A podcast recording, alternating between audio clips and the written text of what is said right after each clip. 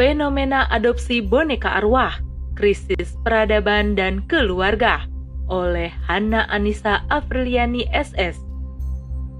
Hidup di zaman modern tidak menjamin taraf berpikir umat juga maju. Nyatanya, di zaman serba modern hari ini, hal-hal yang sifatnya tahayul, mitos, dan kurofat merajalela. Sebagaimana fenomena yang baru-baru ini viral, yakni boneka arwah alias spirit doll yang banyak diadopsi oleh masyarakat, termasuk para selebritis. Boneka tersebut diperlakukan layaknya manusia, diajak bicara, diberi pakaian, diberi makan dan minum, bahkan dianggap dapat mendatangkan kebahagiaan dan rezeki bagi pemiliknya. Mirisnya lagi, boneka arwah dianggap memiliki isi, yakni arwah penasaran yang terjebak di alam dunia. Fenomena demikian jelas menunjukkan betapa sistem hari ini telah gagal menjaga akidah umat dari kesyirikan. Betapa rapuhnya akidah umat di sistem kehidupan yang jauh dari aturan Islam hari ini. Sungguh, hal tersebut merupakan sebuah petaka peradaban yang nyata. Jika di masa jahiliyah dahulu, orang secara terang-terangan menyembah berhala berupa patung dengan harapan patung tersebut dapat mendatangkan keselamatan dan rejeki kepada mereka ini, jimat itu menjelma menjadi sebuah boneka.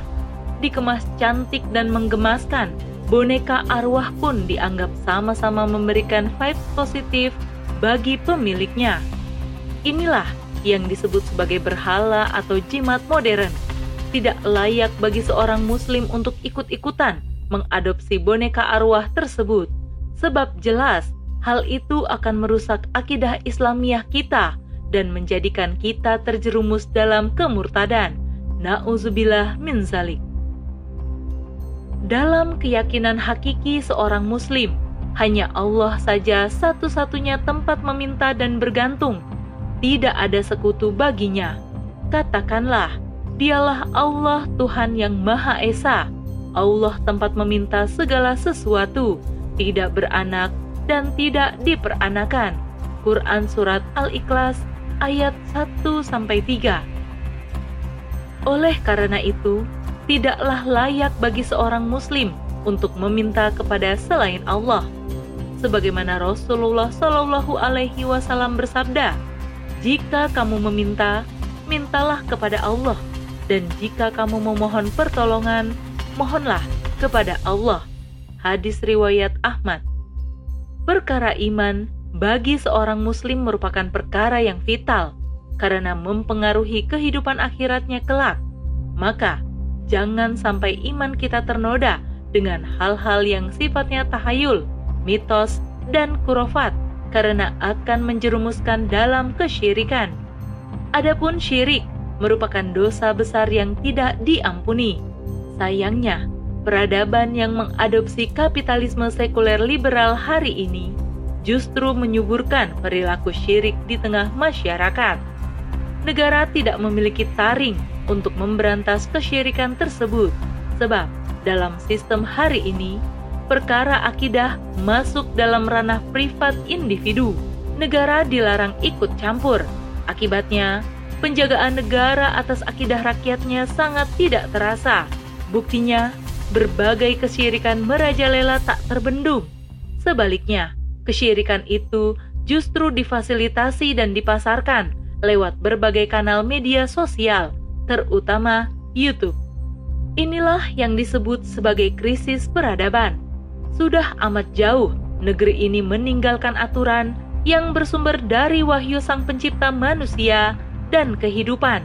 Akibatnya, semakin jauh pula umat terseret dalam kemaksiatan dan kesesatan Maraknya mengadopsi boneka arwah juga disebabkan oleh adanya krisis keluarga di tengah masyarakat. Hal tersebut tidak bisa dilepaskan dari pemikiran dangkal tentang keluarga yang belakangan ini sempat mencuat, yakni konsep child free. Sebuah konsep berumah tangga tanpa kehadiran anak.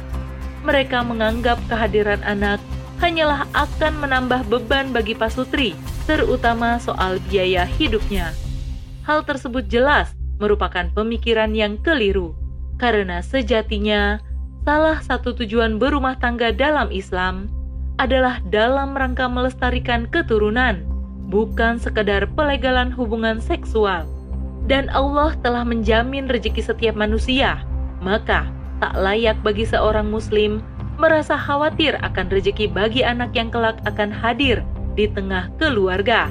Yakinlah bahwa semua makhluk di bumi ini telah Allah jamin rezekinya.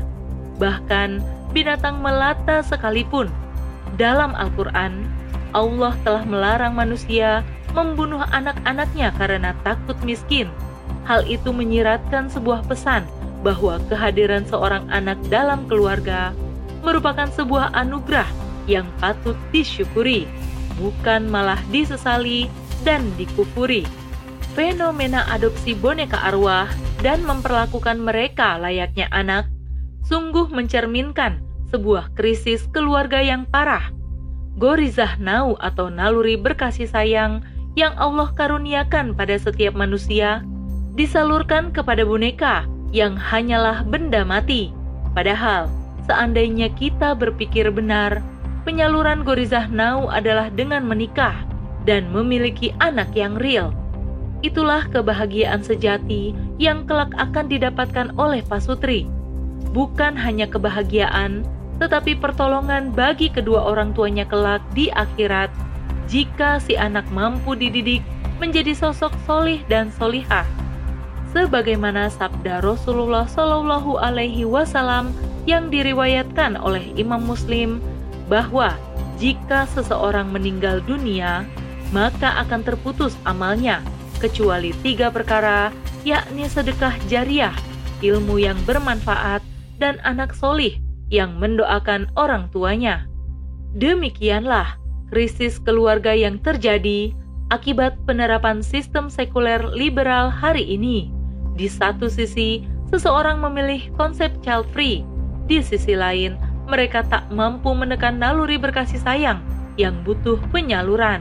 Maka, mereka memilih mengadopsi boneka sebagai pelampiasannya.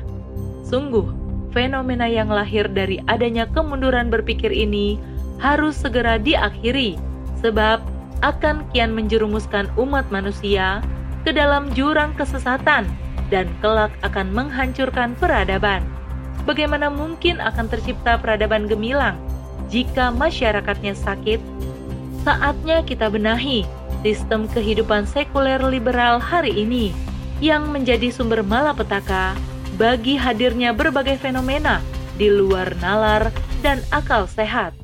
Tegaknya khilafah Islamiyah adalah sebuah kebutuhan mendesak yang tidak bisa ditawar lagi, karena khilafah akan menjaga akidah umat ini dari kesyirikan dan akan mampu menciptakan kemajuan berpikir bagi umat, yakni dengan mencabut pemikiran sesat dan rusak hingga ke akarnya.